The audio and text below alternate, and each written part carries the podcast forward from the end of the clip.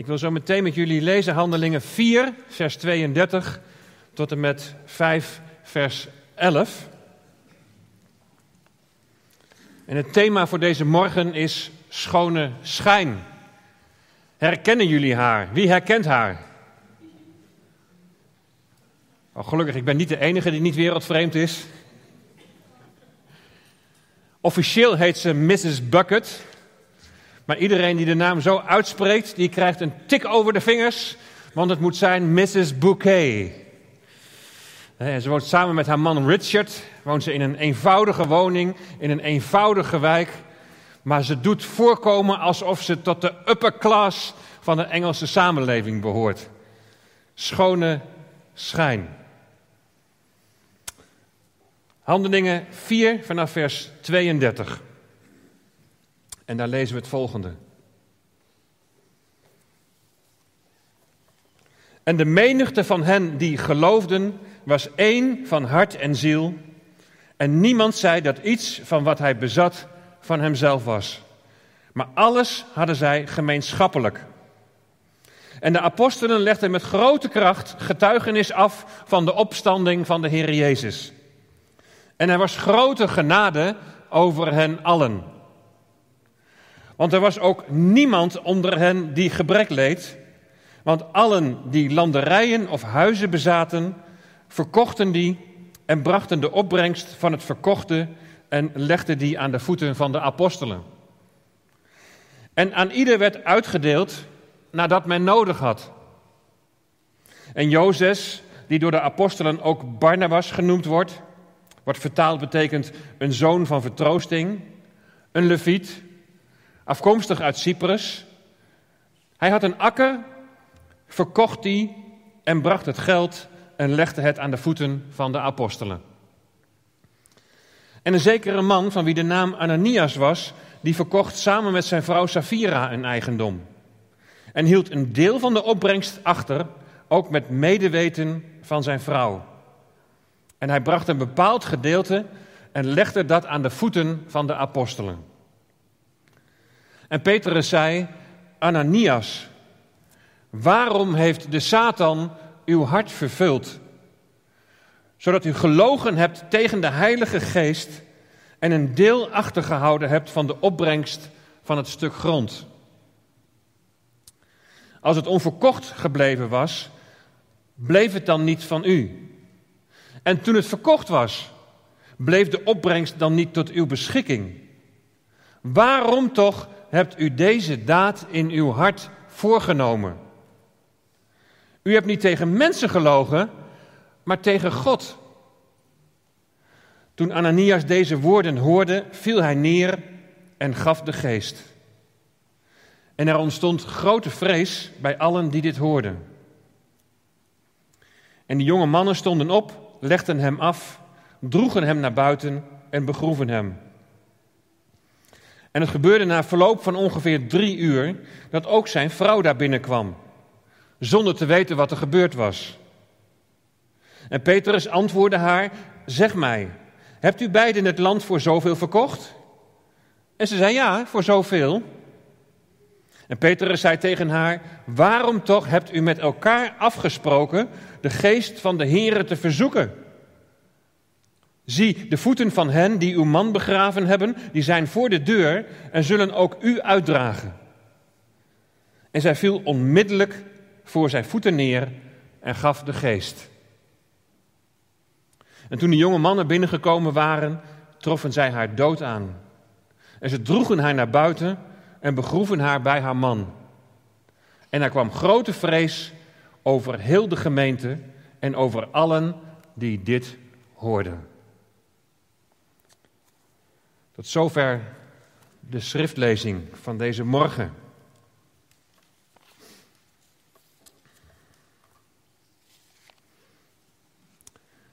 Dat ik nog niet dood ben neergevallen.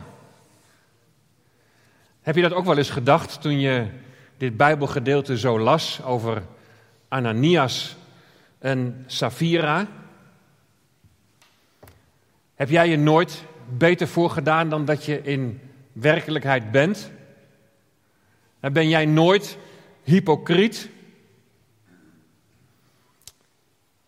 Ik kan me herinneren dat ik jaren geleden ergens mocht voorgaan in een dienst en dat Karin niet mee was. En dat gebeurt niet vaak. En ik zat daar in die kerk op een goed zichtbare plaats. Iedereen kon je goed zien. En dan word je ineens, dat was in vroege tijden, weet je nog wel, toen hadden we van die collectezakken. Toen werd er zo'n collectezak voorgehouden. Probleem op dat moment is dat Karin altijd geld bij zich heeft en ik nooit. En daar zit je dan. En dan denk je, ja, je moet toch als voorganger wel het goede voorbeeld geven. Stel je toch voor dat iedereen ziet dat ik zeg van nee, laat maar, laat maar voorbij gaan. En in een fractie van een seconde ging mijn lege hand, een beetje zo dicht natuurlijk ook, dat ging in die collectezak alsof ik wat gaf. Ja, waarom, waarom doe je dat? Schone schijn. Wat zullen mensen anders wel niet van mij zeggen? Wat zullen ze er wel niet van vinden?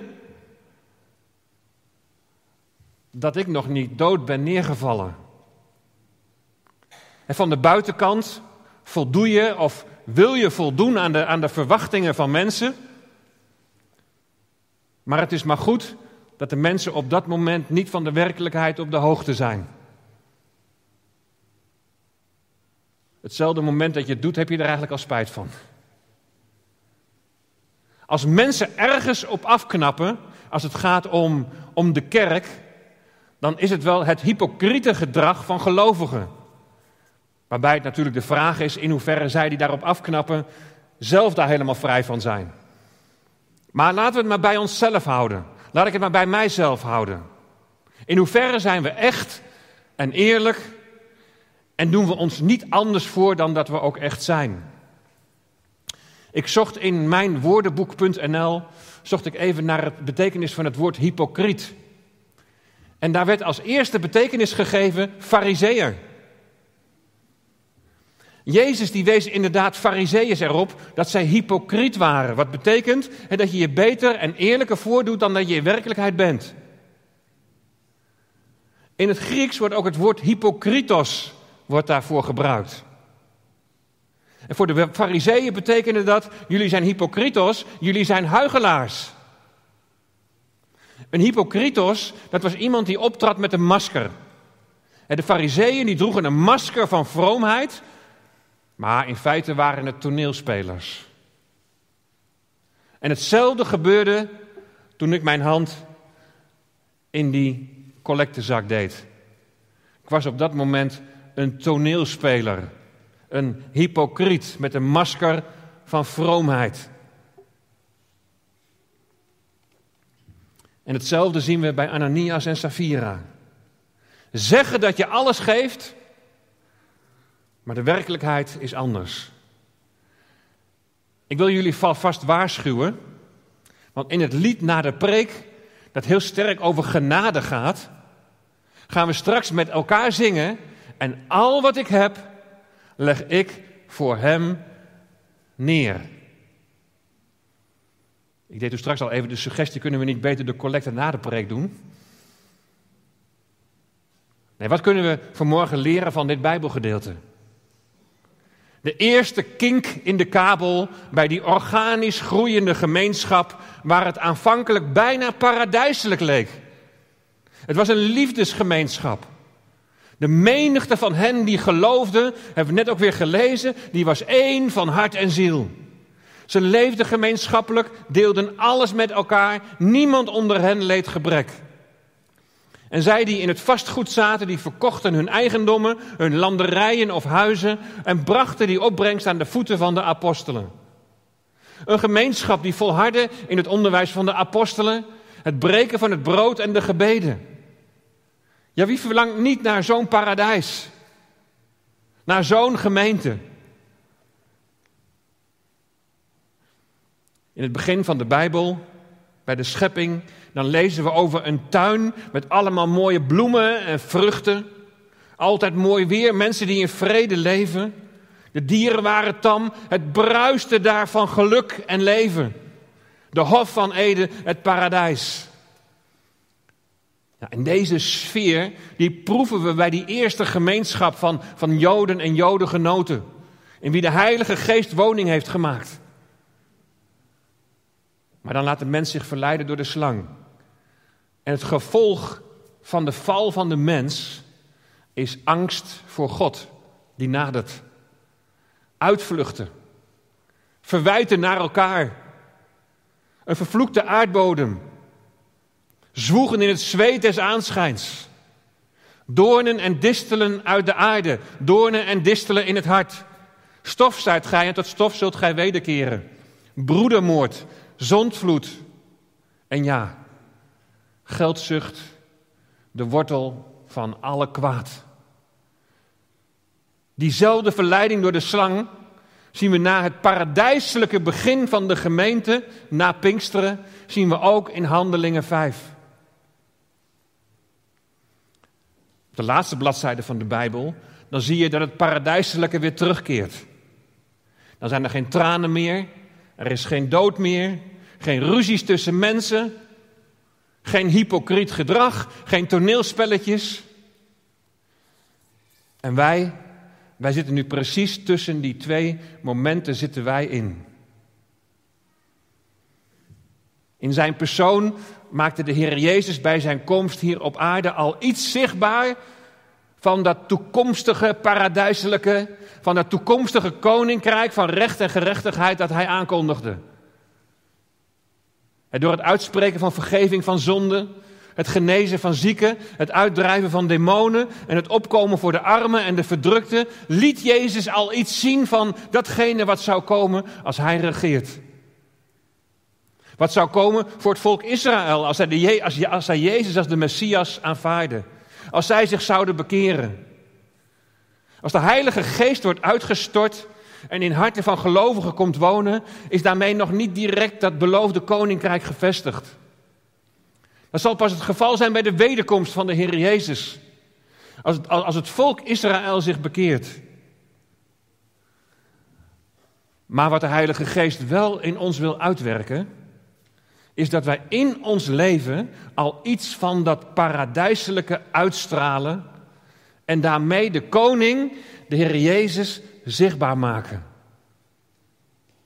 Hem zichtbaar maken bijvoorbeeld in de manier hoe wij met elkaar omgaan. Dat paradijselijke zie je aanvankelijk terug bij die organisch ontstane gemeenschap die na Pinksteren zo samen met elkaar onderweg is. Ze zijn één van hart en ziel. En niemand heeft gebrek. Daar wordt onder andere Gods koninkrijk zichtbaar. En in vers 33 staat: En de apostelen legden met grote kracht getuigenis af van de opstanding van de Heer Jezus. En er was grote genade over hen allen. En Lucas die heeft handelingen geschreven en, en Lucas' kernwoorden bij het beschrijven van het leven van de gemeente zijn grote kracht en grote genade.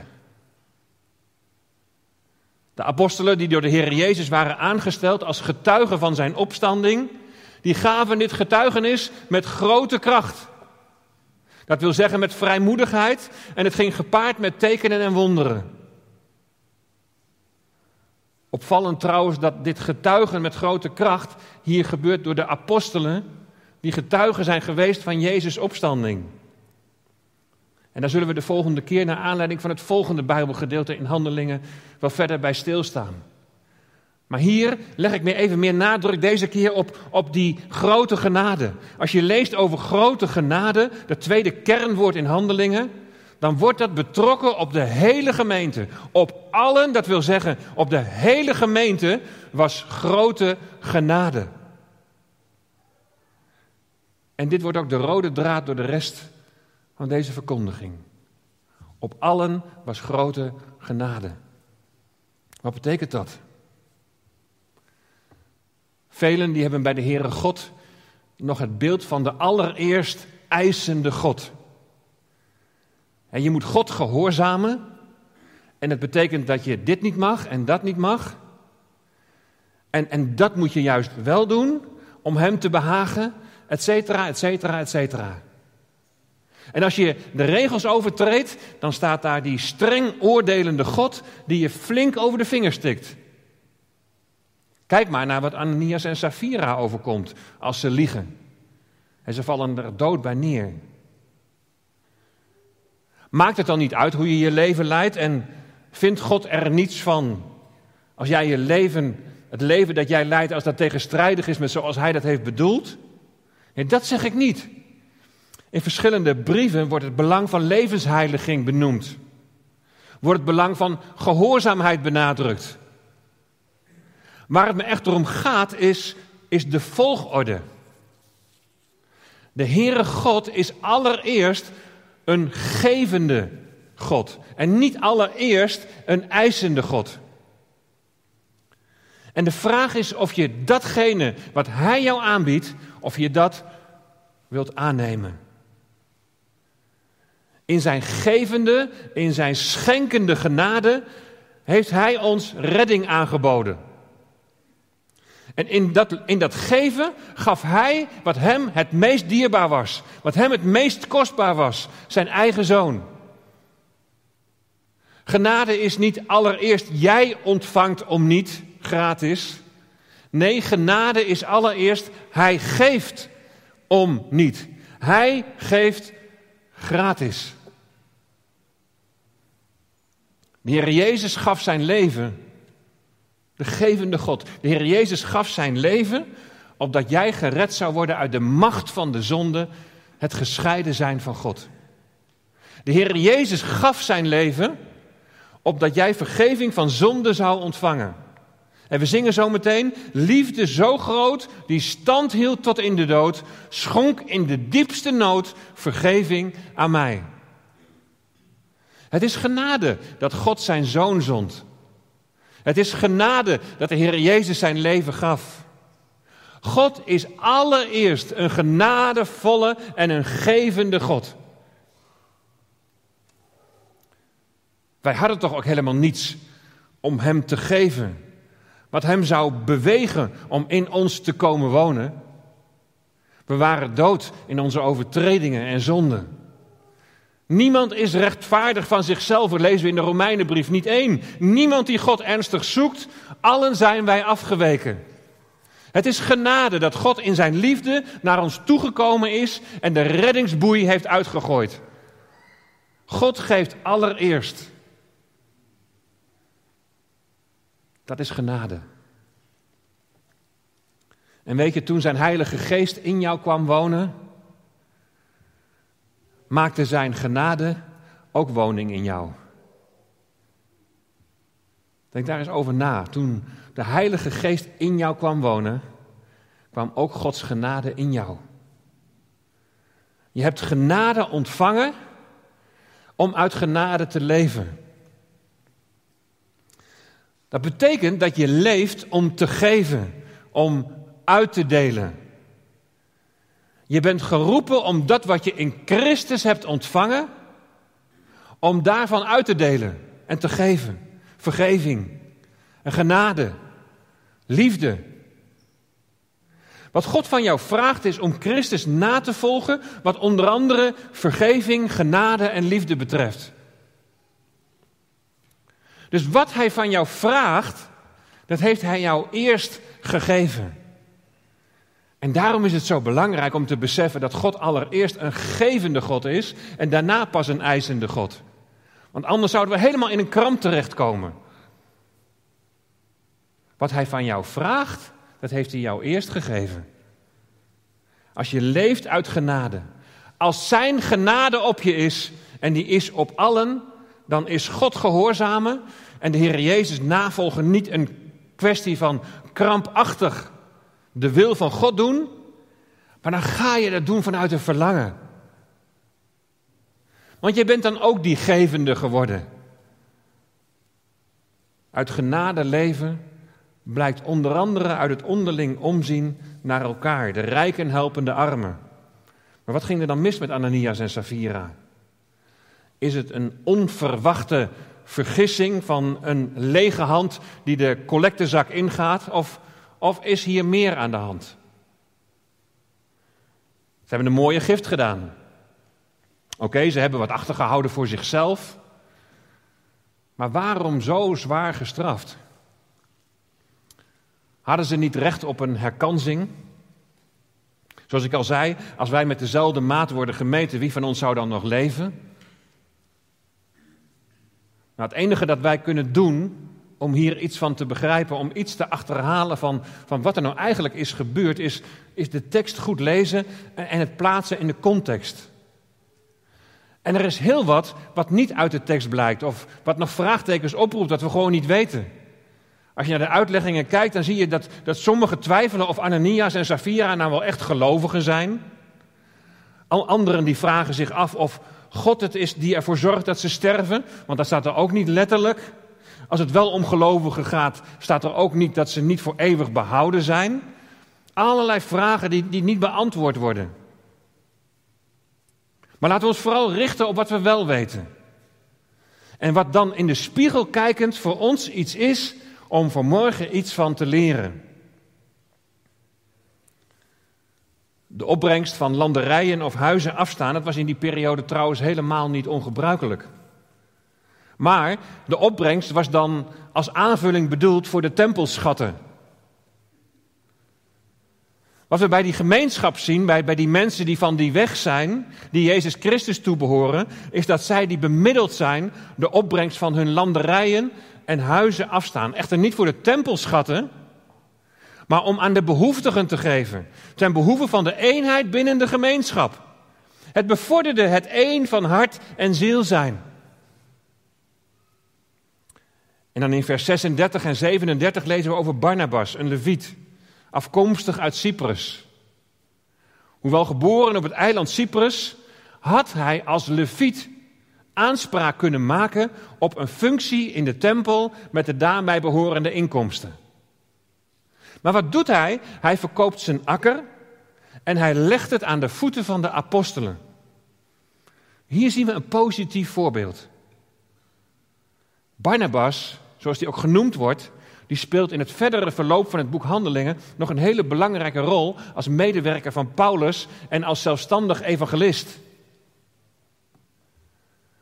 Hij bewaart dus niet, niet de opbrengst van de verkoop van zijn akker om enigszins zijn inkomen te waarborgen. Maar hij geeft alles weg en hij gaat op weg als dienaar van het evangelie in het geloof dat God zal voorzien. En wat zal dit in de gemeente tot een voorbeeld zijn geweest? En mensen zullen erover gepraat hebben. Wat een voorbeeld van Gods vertrouwen.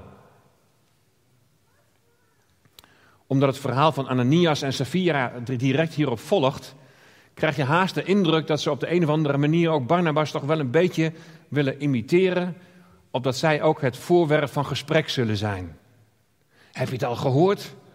Wat Ananias en Safira, weet je, Safira, dat is, haar naam geeft al iets aan dat zij een vrouw is van rijke komaf. Maar heb je, heb je gehoord wat zij in de gemeentekas hebben gestort? Is dat het? Schone schijn? Je wilt je beter voordoen dan je bent en je wilt gezien worden en je wilt gewaardeerd worden. Wat is hier toch het grote probleem van, van Ananias en Safira, dat ze zo zwaar worden bestraft? Nou, de ernst van de situatie zie je vooral terug in vers 9. Daar zegt Petrus, waarom toch hebt u met elkaar afgesproken de geest van de Here te verzoeken? Allereerst dat met elkaar afgesproken. In de rechtspraak is het zo dat de straf zwaarder is als iemand met voorbedachte raden een overtreding begaat. Het is hier niet in een opwelling gebeurd. In een fractie van een seconde en, en je hebt er eigenlijk direct alweer spijt van. Deze hebben het met elkaar hebben ze het afgesproken. En wat hebben ze afgesproken? Om de Heer te verzoeken. En verzoeken, dat betekent uitdagend trotseren. Dus ze zijn de Heer, ze zijn de geest uitdagend aan het trotseren. Het is de houding van de mens die zijn eigen gang gaat. Die zijn eigen zekerheden zoekt. En alles op zichzelf betrekt en naar zichzelf toehaalt. Zogenaamd een offer brengen, maar ondertussen zichzelf handhaven. Afgesproken met elkaar om de geest van de Here te verzoeken.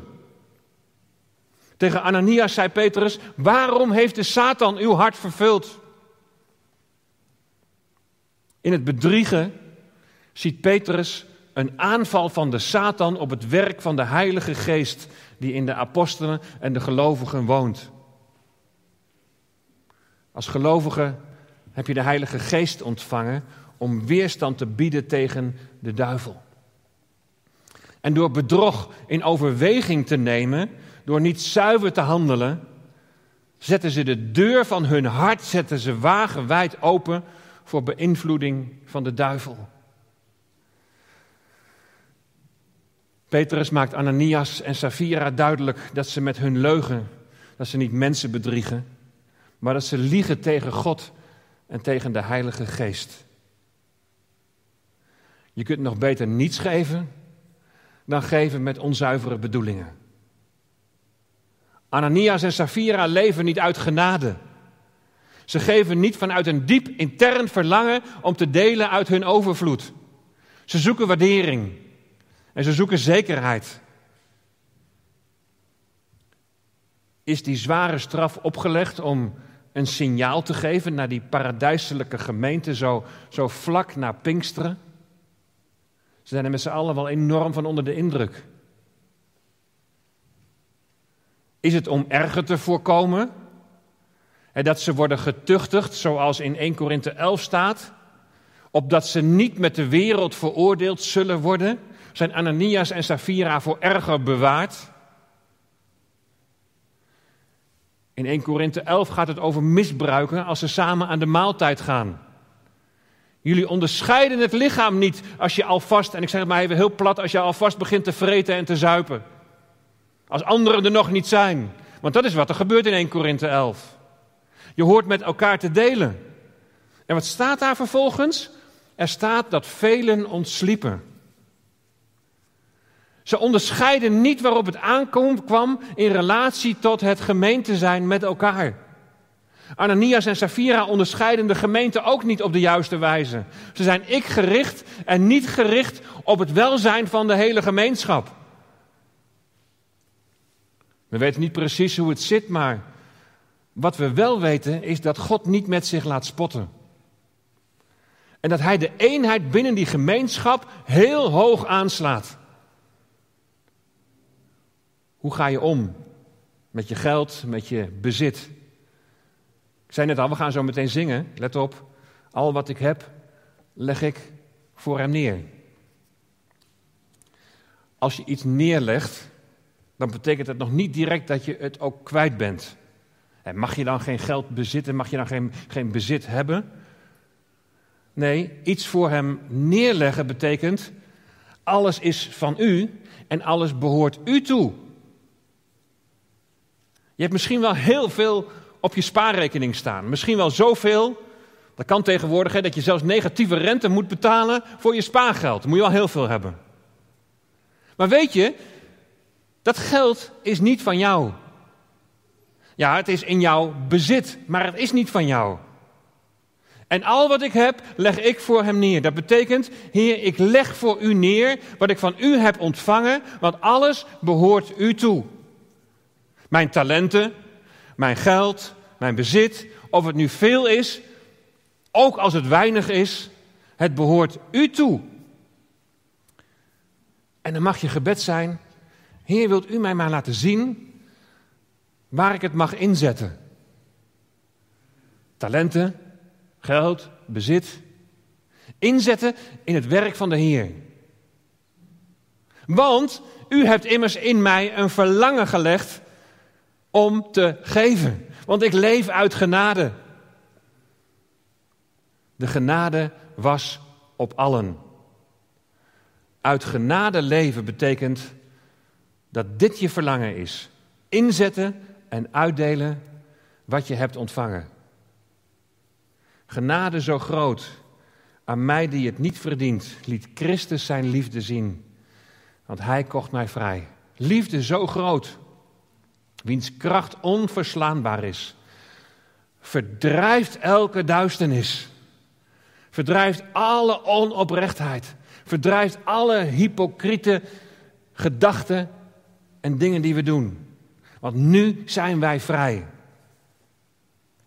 En als je vrij bent, dan zit je nergens aan vast. Als je vrij bent, dan hoef je geen aanzien van mensen. Als je vrij bent, dan hoef je je niet beter voor te doen dan je bent. Als je, als je vrij bent, dan zet je je talenten in tot eer van God. Als je vrij bent, dan mag je je geld en je bezit inzetten ten behoeve van het werk van de Heer. Als je vrij bent en je uit genade leeft, dan deel je van Gods genade, van Zijn liefde, die Hij in jou heeft gelegd. En weet je, zo worden wij één van hart en ziel. Geen schone schijn, maar eerlijk en oprecht met elkaar samen in eenheid de naam van Jezus verkondigen.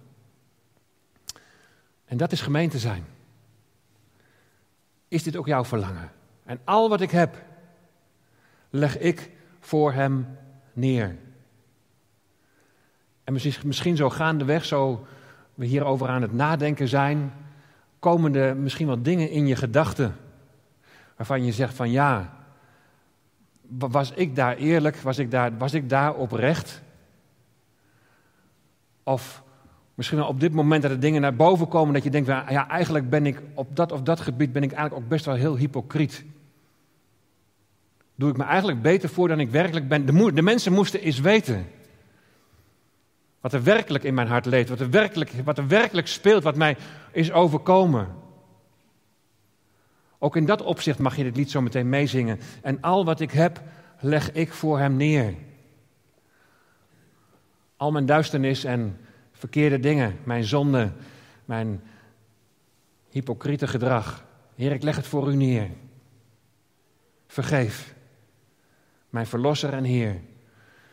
Ja, die mij lief heeft. En dat blijft staan. Ik zou willen zeggen, hou dat vast.